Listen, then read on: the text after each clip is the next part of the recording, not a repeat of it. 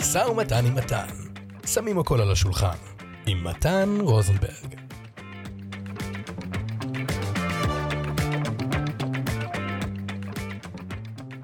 שלום לכולם, וברוכים הבאים לפודקאסט שלי, משא ומתן עם מתן, אני מתן. העבודה שלי בחיים זה, תאמינו או לא, אני קוסם. כן? קוסם מקצועי זאת העבודה שלי. אם זה הפרק הראשון שאתם מאזינים לו, אל תעברו הלאה, אתם במקום הנכון. אתם פשוט לא יודעים את זה עדיין. אני קוסם, ואתה קונדיטור, ואת מנהלת חשבונות, ואתה זה שמאזין לנו ברכב עכשיו, אתה בדיוק בדרך ללקוח שאתה עוזר לו לרדת במשקל, ואת הפסיכולוגית שמטפלת ספציפית באנשים עם פוסט-טראומה, וההם שיש להם חברת משלוחים ומנסים להתחרות עם הטייקונים, לכולם יש עסק, כלשהו. וזה שאני קוסם, וזה העסק שלי, לא אמור להפריע לכם. כי בתור בעל עסק, אתם יודעים שאתם חייבים לעשות עבודה טובה, אבל כדי להגיע ללקוחות פוטנציאליים שרוצים לקנות מכם, אתם צריכים לשווק, ולגרום לאנשים להכיר אתכם. וכדי לסגור עם לקוחות, אתם צריכים לדעת לעשות משא ומתן. והגעתם לפודקאסט הנכון, משא ומתן עם מתן, ואני מתן. אני כדי למכור יותר הופעות וביותר כסף, לקחתי את הנושא כפרויקט, ובשש או שבע שנים האחרונות אני חי ונושם משא ומתן. למרות שאני קוסם, ואולי דווקא בזכות זה שאני קוסם, יש לי פה פרספקטיבה ייחודית על העניין. אז בואו ניכנס ישר לעניינים. בפרק הזה אנחנו נדבר על שלושה נושאים. למה צריך להפסיק לדבר ולהתחיל לעשות? אנחנו נדבר על המושג מינימום אפקטיב דוס, או בעברית צחה, המנה המינימלית האפקטיבית, תודו שהכל נשמע טוב יותר באנגלית, ונסביר כמובן גם מה זה. אל תדאגו, אני לא אייבש אתכם. אנחנו נדבר גם כן על הקונספט של one supplement at a time, או בעברית, תוסף תזונה אחד בכל פעם. זהו, מקווה שיהיה קצר היום, יש לי נטייה לדבר 40 דקות, מי יודע, אולי נגיע ל-39 דקות היום, נשבור שיא. מעבר להיותי קוסם, אני גם מלמד, או יותר נכון עובד עם אנשים אחרים על המופע שלהם, מעין במאי, במאי קסמים. ויש לי תלמיד שאני מאמן אותו בזום והוא אמריקאי, הוא גר בסקרמנטו, קליפורניה, ודיברנו על איזה קסם שהוא רוצה לעשות, איזה קטע גרנדיוזי שהוא מת לעשות על הבמה מול מלא אנשים. זה קטע שבו הוא מעלה מישהו על הבמה, מהקהל, והוא מביא לו ערימה של טושים בכל מיני צבעים. ויש ציור פשוט של מישהו, בשחור לבן, ועל על כאן ציור כזה, הוא, הקוסם עצמו, שם כיסוי עיניים על עצמו, כמו אלה של הטיסות, של הביזנס, כן? לא מקבלים את זה בטיסות איקונומי. אה, ואז הוא מנחה את המתנדב על הבמה לצבוע את הבגדים של האיש הזה על ה...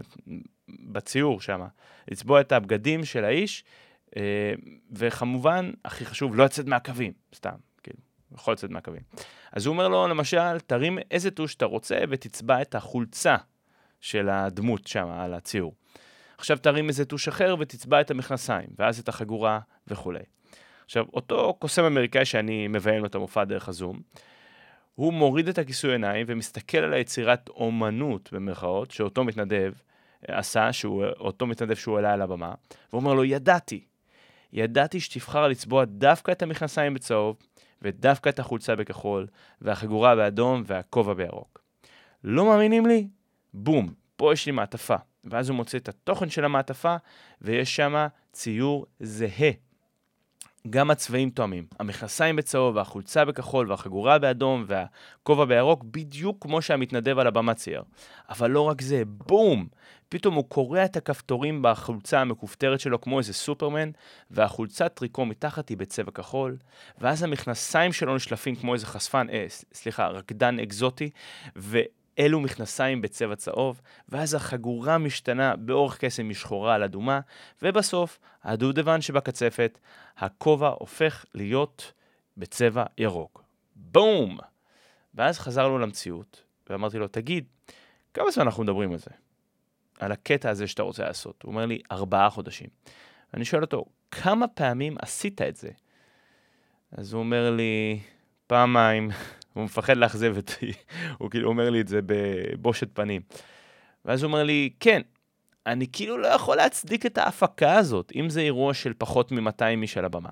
אז אמרתי לו, ואתה חושב שאתה תגיע מוכן יותר, או מוכן פחות, כשיגיע אותו אירוע שיצדיק במרכאות את הזכות לראות אותך, את הפריבילגיה לראות אותך מופיע עם הקטע הזה? הוא לא הבין. לא נפל לו האסימון. אמרתי לו, כשתגיע להופעה החשובה הזאת, הופעת החלומות שלך, הזאת שתצדיק, שתואיל בטובך לעשות את הקסם הזה, את הקטע המטורף הזה של ההתאמת צבעים, עדיף לך שזו תהיה הפעם השלישית שאתה עושה את הקסם, או הפעם המאה שאתה מבצע אותו. אתה תהיה יותר מנוסה, או פחות מנוסה, אם תעשה את זה 200 פעם. האם הקהל שלך יקבל חוויה טובה יותר, מרשימה יותר, זורמת יותר, עם הרבה יותר flow, אחרי שבאת לו עם ניסיון של 200 הופעות עם הקטע הזה? פה הוא התחיל להבין. זהו, נפל לו האסימון. אבל הייתה שם התנגדות. וגם אם אתם לא קוסמים, וכל מה שאמרתי עכשיו doesn't make sense, אתם מבינים את האנלוגיה. גם לכם יש את המוצר שאתם מפחדים להשיק, את השירות שאתם מפחדים להציע ללקוחות שלכם, וטקטיקת המשא ומתן שאתם מפחדים שתחסל את העסקה ותשרוף לכם את המערכת יחסים עם הלקוח. יכול להיות שהכל נכון, ואתם לא אמורים להשיק את המוצר החדשני הזה. לא כדאי לכם להציע את השירות החדש הזה ללקוחות שלכם, וכן, יש סיכוי שהעסקה כן תחוסל וכן לא תשמעו מהלקוח הזה בחיים שלכם. אבל זה קצת כמו החתול של שרודינגר, הוא חי וגם מת, ואנחנו לא נדע עד שלא נפתח את הקופסה. להיות בלימבו, במצב של אולי, במצב של דיבורים, דיבורים וחוסר עשייה, זה מוות. אז זה הפואנטה שלי. הפואנטה הראשונה, תפסיקו לדבר על זה ותעשו את זה. השאלה היא איך. זה כל כך קל, מתן. קל לך מאוד להגיד את זה. אתה עולה על במה ולא מפחד, ונכנס לך לקוח ולא אכפת לך אם תסגור או לא. איך אתה משלם שכר דירה? איך אתה מוכן ומסוגל לסכן הכל? אני קוסם. אני לא מסכים לסכן הכל, אבל בגלל שאני קוסם, אני יכול ליצור את האשליה שאני אכן מוכן לסכן הכל. אבל הגעתי לזה כי התאמנתי. צעדים קטנים, צעדי תינוק, baby steps. השאלה היא איך יודעים שהצעדים הקטנים האלה, הקטנים האלו, מקדמים אותנו לצעדים קצת יותר גדולים, ולבסוף להצלחה בכל אשר תעשו. התשובה היא The Minimum Effective Dose, המנה המינימלית האפקטיבית. מי שלא מכיר, טים פריס הוא גורו לעסקים, שתחת המתחתו, אני חושב, חברת השקעות, אה, והוא משקיע בסטארט-אפים ואיש מאוד מוכשר, הוא כתב את רב המכר אה, ארבע שעות בשבוע. שזה כאילו uh, המנטרה של uh, איך להיות uh, יזם שעובד רק בסוף ארבע שעות בשבוע. כמובן, הטייטל מאוד מפתה, תקראו את הספר, um, אתם תראו מה צריך לעשות כדי להגיע לזה. אבל אני זוכר שאחרי שקראתי את הספר שלו והתחלתי לעקוב אחריו ביוטיוב, היה לו ולוג, שאתה יודע, כזה יום בחיי יזם, ורואים אותו אתה יודע, אוכל ארוחת בוקר, ו- ועושה את הפגישות שלו, וכותב וכולי, וגם נכנס לחדר כושר. והוא נכנס לחדר כושר, ונראה שהוא עושה בדיוק תרגיל וחצי, ויוצא משם מנופח, ואומר, זהו, סיימתי. ומשם יצא המושג המנופח מינימום אפקטיב דוס. זאת אומרת, הוא מסביר, זה, זה כל מה שאני צריך כדי לפתח את השריר, זה המינימום שלי. כדי להסביר לכם את זה בפשטות, הכי פשטות מה זה אומר, אני אשתמש באנלוגיה שמשתמשת ב, במושג הזה של מנות, בדוסיס, כל הזמן, תרופות. אז נניח ו, וכואב לכם הראש, וההמלצה של הרופא היא לקחת אקמול כ, כתרופה נגד כאבים. השאלה היא, כמה אקמול? ונניח הרופא אומר לכם, שני, אה, אה שתי כפליות אקמול, שני כדורים. עם שני כדורים, רוב הסיכויים שיעבור לכם כאב הראש. אז שני כדורי אקמול, זאת המנה המינימלית, כן. זאת המנה, המנה, המנה המינימלית האפקטיבית. זה פתר את הבעיה. הפסיק לכאוב לכם הראש. אם תיקחו יותר מזה, אתם תהיו בבעיה חמורה יותר מסתם כאב ראש. אם תיקחו את כל הבקבוק, זה כנראה יהיה כאב הראש האחרון שלכם. במקרה הטוב, תבלו את הלילה בטיפול נמרץ ושאיבת הקיבה, ובטיפ... ובמקרה הרע, אני לא צריך להגיד את זה פה בפודקאסט הזה. שוב, מי ששומע את הפודקאסט הזה, זאת אנלוגיה, זה דומה, זאת מטאפורה, אני לא רופא, ואני לא ממליץ לאף אחד על אף כדור, ואם כואב לכם הראש, דברו עם הרופא שלכם, אני קוסם. אני יודע מה אתם חושבים, אמא שלי בטח מאוד גאה, אוקיי? אני לא רופא, אל תיקחו ממני עצות, אוקיי? זאת סתם אנלוגיה. בואו נחזור לסיפור. קיצר, שני אקמול, שני כדורים, זאת המנה המינימלית שעושה אפקט. ויותר מזה זה כבר מזיק. אז איך הנחיתי את אותו תלמיד מסקרמנטו קליפורניה, שאני מאמן בזום, לעשות את הקטע הזה עם ההתאמה של הצבעים של הבגדים כמה שיותר פעמים? האמת היא שהכרחתי אותו לעשות את זה בכל הופעה שיש לו. בין אם הוא מופיע ל-20 איש בבית, או בין אם הוא מופיע ל-200 איש על הבמה. לא אכפת לי, הוא הולך לעשות את זה. אמ, הקטע הוא שתיארתי לכם איך הוא עושה את זה על הבמה. הוא צריך לעלות מתנדב על הבמה, לתת לו טושים, להביא מעטפה ענקית עם הנבואה, לשים אותה על כאן ציור מול כולם, ואז פתאום הוא קורע את הכפתורים בחולצה, והמכנסיים מתקלפים לו כמו חשפן, סליחה, רקדן אקזוטי, ובום, ובאם, בום, בום, באם. חזק! אבל מה אם היינו יכולים להקטין את זה? לא כי הגרסה הגדולה של הקסם הזה לא טובה, ואין לה אימפקט מאוד מאוד חזק, אלא כי הוא פשוט לא יכול לבצע אותה כל מקום. ואז הוא מפסיד את זמן האימון החשוב מפז. מהי המנה המינימלית האפקטיבית ביותר לקסם הזה? אולי רק מעטפה עם הנבואה של הצבעים שהמתנדב מילא בציור. זאת אומרת, במקום הסיום עם הבגדים אה, שהוא מקלף בעצמו, רק להראות מעטפה שבה הוא ניבא. יש בזה גם עוצמה, ברור לכם שעכשיו שאתם יודעים את הגרסה המקורית, זה פחות חזק, אבל אה, הקהל הזה החדש לא יודע את זה כי הוא לא שמע את הפודקאסט הזה, אוקיי? ואולי המעטפה יכולה להיות קטנה יותר, זאת אומרת, מעטפה שיכולה להיכנס לכיס שלו והוא יכול להוציא אותה, אה, ואז הוא לא צריך עכשיו אה, לסחוב מהבית כאן ציור, להקים אותו, אה, אולי הוא מוגבל במקום, כמה שפחות חיכוך, כדי שהוא יוכל להיכנס למנה האפקטיבית המינימלית. אמ, אולי הטושים יכולים להיות יותר קטנים, יכולים להיכנס לו לכיס, ואז הוא אה, מקטין את החיכוך בזה שהוא יעשה את הקסם, ולא ימתין להופעת החלומות של ה-200 איש. מה המינימום שניתן לעשות רק כדי שאותו תלמיד שלי יוכל להתאמן על כוריאוגרפיה, או על ההשפעה על המתנדב, או מאוד מאוד חשוב על הטקסטים, על הגגים, על הבדיחות, על הפאוזות, על הדרמה. אולי אפשר להקטין את זה אפילו עוד יותר. מה המינימום כדי שיהיה אפקט? בואו ניקח את זה אליכם, אתם לא קוסמים, אבל אני, ש... אני מקווה שהבנתם את האנלוגיה. מה המוצר הזה שאתם רוצים להשיק? אולי אפשר לבנות לו אב טיפוס מנייר או מפלסטיק? או אם זה מוצר דיגיטלי, במקום לחשוב על איך לייפייף את ה-PDF הזה, פשוט לכתוב Google Doc או Word, ופשוט לראות האם זה עובד כמו שזה. ואולי לא ללכת על כל הקופה, נגיד, אם אתם מייצרים איזה מוצר פיזי, אולי לא עכשיו להתקשר למפעל בסין ולייצר גלופות ולהתחיל ייצור המוני לפני שבדקתם את זה. אל תוציאו את, המ... את העשרות אלפי דולרים האלה ותחכו עם זה. ומה עם הטקטיקה החדשה הזאת שמתן, אני, דיבר עליה בפודקאסט? אולי לא כדאי לכם לנסות אותה עכשיו על העסקה של ה-20 אלף דולר, אבל כן שווה לכם לנסות אותה על העסקה של ה-1,000 דולר.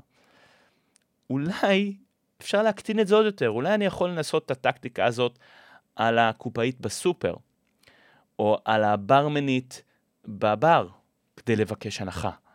מה המינימום שאני יכול לעשות כדי להתחיל להרגיש בנוח לעשות דברים מבלי לסכן הרבה יותר מדי? אני אשתוק רגע, ותחשבו על מה זה אצלכם בעסק. וואו, זאת הייתה שתיקה ארוכה, בסדר. אתם יכולים, אם אתם רוצים, להרחיב את השתיקה, לעשות פאוזה פעם הבאה. מעולה. אז יש לכם שיעורי בית. הנושא האחרון לפרק הזה הוא one supplement at a time, או תוסף תזונה אחד בכל פעם. כשאני הייתי בן 16 הייתי מאוד רזה, ותמיד רציתי שרירים גדולים כמו שהיו לאח שלי. אח שלי נולד, בום, ג'בר כזה. והוא גם אה, חזק, והיום הוא עוד יותר חזק.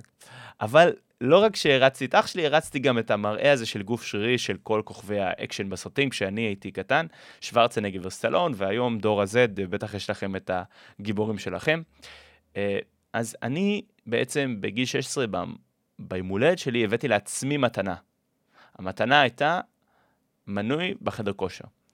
בשנת 2004, במהולדת 16 שלי, השישה ביולי, נכנסתי למכון כושר ונפתחתי לעולם שלם. וזה קרה בחופש הגדול בין כיתה י' לכיתה י"א. הקיץ נגמר וחזרנו לבית ספר, עברו כולה חודשיים ועליתי איזה חמישה או שישה קילו, ואנשים אמרו, וואו, מה קרה למתן? הוא, הוא, הוא גדל, התנפח, ואני רציתי עוד יותר, אני רציתי להיות כמו אלה בסרטים. אבל אז קרה משהו. הפסקתי לעלות במשקל, השרירים לא גדלו עוד ממה שרציתי, לא נהייתי יותר מנופח, משהו עצר שם. נכנסתי למה שנקרא בשפה המקצועית פלטו. וכשדבר כזה קורה, אתה צריך להתחיל לבחון מה אתה עושה נכון ומה אתה עושה לא נכון, ומה צריך לשנות. באותה תקופה לא היה יוטיוב, וכל מדריכי החדר כושר ששאלתי נשמעו אותו הדבר כאילו הם קראו את אותו הספר, ואין להם איזושהי מחשבה עצמאית אחת. חבר'ה, אין לי שום דבר נגד מדריכי חדר כושר, אני רק מתאר את זה מתוך מוחו של אה, בן 16, מתוך הפרספקטיבה של בן ה-16. בקיצור, לא היו לי תשובות, ואז אה, חיפשתי באנגלית בגוגל How to build muscle, והתגלה בפניי עולם. עולם של bodybuilding. פתאום הבנתי מה אני עושה לא נכון. לא אימנתי בכלל את החלק התחתון של הגוף שלי, רגליים, ישבן, גב תחתון. חשבתי רק על השרירים הגדולים, האלה שרואים אה, בחולצה צמודה או בלי חולצה, זרועות, כתפיים, חזה, גב. ברגע שהתחלתי לאמן גם את הרגליים, עליתי עוד, עוד איזה חמישה קילו, ואז עוד פעם עצרתי. פעם התחלתי להבין שאני כנראה לא אוכל מספיק, ושאם אתה לא מצליח לאכול מספיק חלבון, אולי כדאי לנטול אבקת חלבון, כזאת אבקה שאתה מערבב במים או בחלב בבלנדר ושותה. ואז ראיתי שאולי חסרים לי ויטמינים, ואולי כדאי לקחת קריאטין, והרשימה עוד נטויה. מי שמקשיב לנו עכשיו, או רק נכנס באמצע הפרק, זה לא פודקאסט על כושר או על תזונה, ובבקשה תתייעצו עם איש מקצוע. אני לא לוקח אחריות או ממליץ על אף אחד שום תוסף תזונה במיוחד, או בכלל על תוספי תזונה. אבל השיעור הזה, השיעור החשוב ש, שלמדתי מעולם ה bodybuilding, תקף אה, לעולם העסקים. וזה שלעולם לא תדע איזה תוסף תזונה יעבוד ויראה תוצאות או לא, אם תתחיל ליטול את כולם בבת אחת, באותו הזמן. כשאתם מנסים יותר מדי דברים בעסק שלכם בבת אחת, כשאתם אומרים לעצמכם, למה אני לא גדל? למה אני לא מכניס יותר עסקאות? למה אני לא סוגר? אולי אני צריך לעשות יותר פוסטים באינסטגרם? אולי אני צריך לפתוח טיק טוק? אולי אני צריך לפתוח בלוג? לפרסם בגוגל? להתחיל לשלוח אימיילים? כן, ככה יגיעו לקוחות. ובתחום המכירות, אולי אני צריך להוריד את המחיר, אולי אני צריך לתת יותר הנחות, אולי ההצעה שלי יותר לא מספיק אטרקטיבית. משהו יקרה, משהו יקרה, לטובה או לרעה, אבל אתם לעולם לא תהיו בטוחים מה הביא את השינוי, כי ניסיתם לשנות יותר מדי בבת אחת. ויותר מזה, יכול להיות שמשהו שעשיתם כבר עבד, ואז הש... השינויים התקופים האלה אה, יגרמו לכך שאיבדתם את הביטחון במה שכבר עבד. אז אני, אני אשלח אתכם קצת לפודקאסט אה, אה, ותיק יותר, בשיחה שלי עם עודד בדיחי, שהוא מומחה לשיווק דיגיטלי.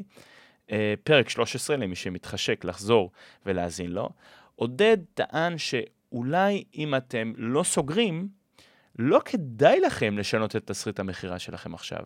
זה נשמע קצת אה, כאילו counter intuitive, כאילו נגד האינטואיציה. אבל הוא אומר, כי זה עבד לכם בעבר. למה הוא מתכוון? העובדה שתסריט מכירה כלשהו עבד או לא עבד, יכול להיות שתלוי באיכות הלידים שאתם מקבלים כרגע. ויכול להיות שמשהו באיכות הלידים השתנה, וזה כמובן משפיע על תהליך המכירה. יש מושג שנקרא buy intent או purchase intent, או בעברית אה, צחה, כוונת קנייה. כשאני נכנס לחנות כמו KSP עם כוונה לרכוש מסך מחשב כי שלי דפוק או נשבר או סתם בא לי לשדרג. הנסיעה שלי לקניון, החיפוש חנייה, העמידה שלי בתור והישיבה עכשיו מול איש המכירות ששואל אותי, איך אני יכול לעזור לך? מגדילה מאוד את הסיכויים שאני אצא מאותה חנות עם המסך שאני רוצה או צריך. כוונת הקנייה שלי מאוד גדולה, כי עשיתי את כל המאמצים. אני רוצה לצאת עם מסך ביד כשאני יוצא מהחנות הזאת. אני ליד חם. אני באתי אליהם והם מכרו לי את מה שאני צריך. אבל מה אם ראיתי סתם הודעה בפייסבוק למסכים, כי חיפשתי את זה, כי שעמם לי, כי אני גולל עכשיו בפי... בפייסבוק ומנסה סתם לסחוף את הזמן, כמו שאנחנו כולנו עושים כל היום. ואז נציג מרים לי טלפון, כי שכחתי שמילאתי פרטים איפשהו. יכול להיות שפתאום לא כל כך בוער לי המסך הזה, וכוונת הקנייה שלי נמוכה יותר. ואז העבודה שלי, העבודה יותר נכון של נציג המכירות, הרבה יותר קשה. לא כל הלידים נולדו שווים, אבל יכול להיות שהמכירה שלכם בסדר גמור. זאת אומרת, התסריט מכירה שלכם עובד, הוא פשוט עובד מול לידים מסוג אחר. השאלה שלי היא, איך תדעו? שלב ראשון, one supplement at a time, לא הכל בבת אחת. אם אתם רוצים לחזור עוד קצת אחורה, בשיחה שלי עם יונתן מאור, גם כן פרק מעולה, פרק 14, יונתן אומר שבחברות מסוימות, למשל חברות תקשורת שמוכרות שירותי סלולר או אינטרנט, הם עובדים בגישה מסוימת מבחינת מכירות, בצורה מסוימת, כי זה עובד להם. למרות שבטוח יש לכם מה להגיד על איך נציג מ-XYZ מהחברות האלה מדבר איתכם בטלפון, או יותר נכון, לא מרשה לכם לנתק, אבל כמו שיונתן מסביר באותו פרק, הם כבר זיקקו את המנה המינימלית האפקטיבית שלהם. התסריט הזה עובד להם כי הם מכונה. הם עומדים בחדר אחד, 50 אנשי מכירות, טלמרקטינג או יותר, כל אחד ליד עמדת טלפון, והם מתקשרים לרשימה ארוכה מאוד, אחד-אחד, עד שיהיה להם winner. מישהו שמוכן לקנות. זה חוק המספרים הגדולים אצלם. אצלנו, בעלי העסקים הקטנים, בין אם אתה coach או קוסם, מאמן כושר או בעל חברת משלוחים, הלידים שלנו לא כל כך חד פעמיים, כמו האלו של חברות התקשורת. אנחנו עובדים קשה מאוד כדי להשיג אותם. ולכן, כל שינוי שנעשה יגרום לשינוי אחר שאנחנו אולי נפספס ולא נוכל למדוד אותו. ולמה אנחנו חושבים שאנחנו חייבים לעשות כל כך הרבה שינויים? כי אנחנו מושפעים מהעולם. זו דרכו של העולם, במיוחד בעידן הרשתות החברתיות. הבעיה היא שאנחנו רודפים וחווים עולם שהוא כולו פייק. אנחנו בטוחים שהחבר הזה מהתיכון שאנחנו רואים בפייסבוק, שאנחנו כבר לא בקשר איתו 20 שנה, בזמן שאנחנו עמוסים עד הראש בחיתולים עם קקי, הוא במרכאות מאושר וחי את החלום וחי את החיים, ונמצא כל הזמן בחופשות בתאילנד, והוא גם איש עסקים מצליח שנוסע במטוסים פרטיים. אבל זה מה שהוא רוצה להראות לנו. ואנחנו בטוחים שכל עסק שמציג חזות של ווינר באינסטגרם מגלגל מיליונים. ואנחנו בטוחים שהסטריאוטיפ של איש המכירות זה שצריך לסגור, לסגור, לסגור, ומציג לכאורה אחוזי סגירה לא הגיוניים. הוא אומר לכם, אני סוגר לקוח אחד מחמישה, אני סוגר ביחס של שלוש לחמש, אני סוגר כל לקוח. זה מייצר ציפיות לא מציאותיות, והכי גרוע, זה מייצר אצלכם תחושה של צורך.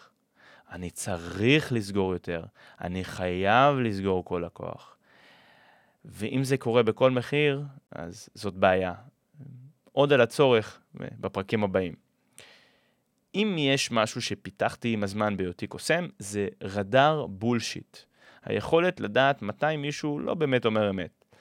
מוזיקאי שאומר לכם שהוא אף פעם לא זייף, זה כנראה מוזיקאי שלא ניגן בחייו. והוא בתיאוריה מוזיקאי. וקוסם שאומר שהוא אף פעם לא נתפס, עושה איזו זזות ידיים, ואמרו לו, היי, ראיתי, ראיתי את הקלף שלך ביד, ראיתי אותך מחביא את הקלף. זה כנראה קוסם שלא הופיע יום בחייו מול קהל אמיתי. ולא רק בני המשפחה שלו, שלא נעים להם להגיד, אה, ש... שהוא חשף קצת את, ה...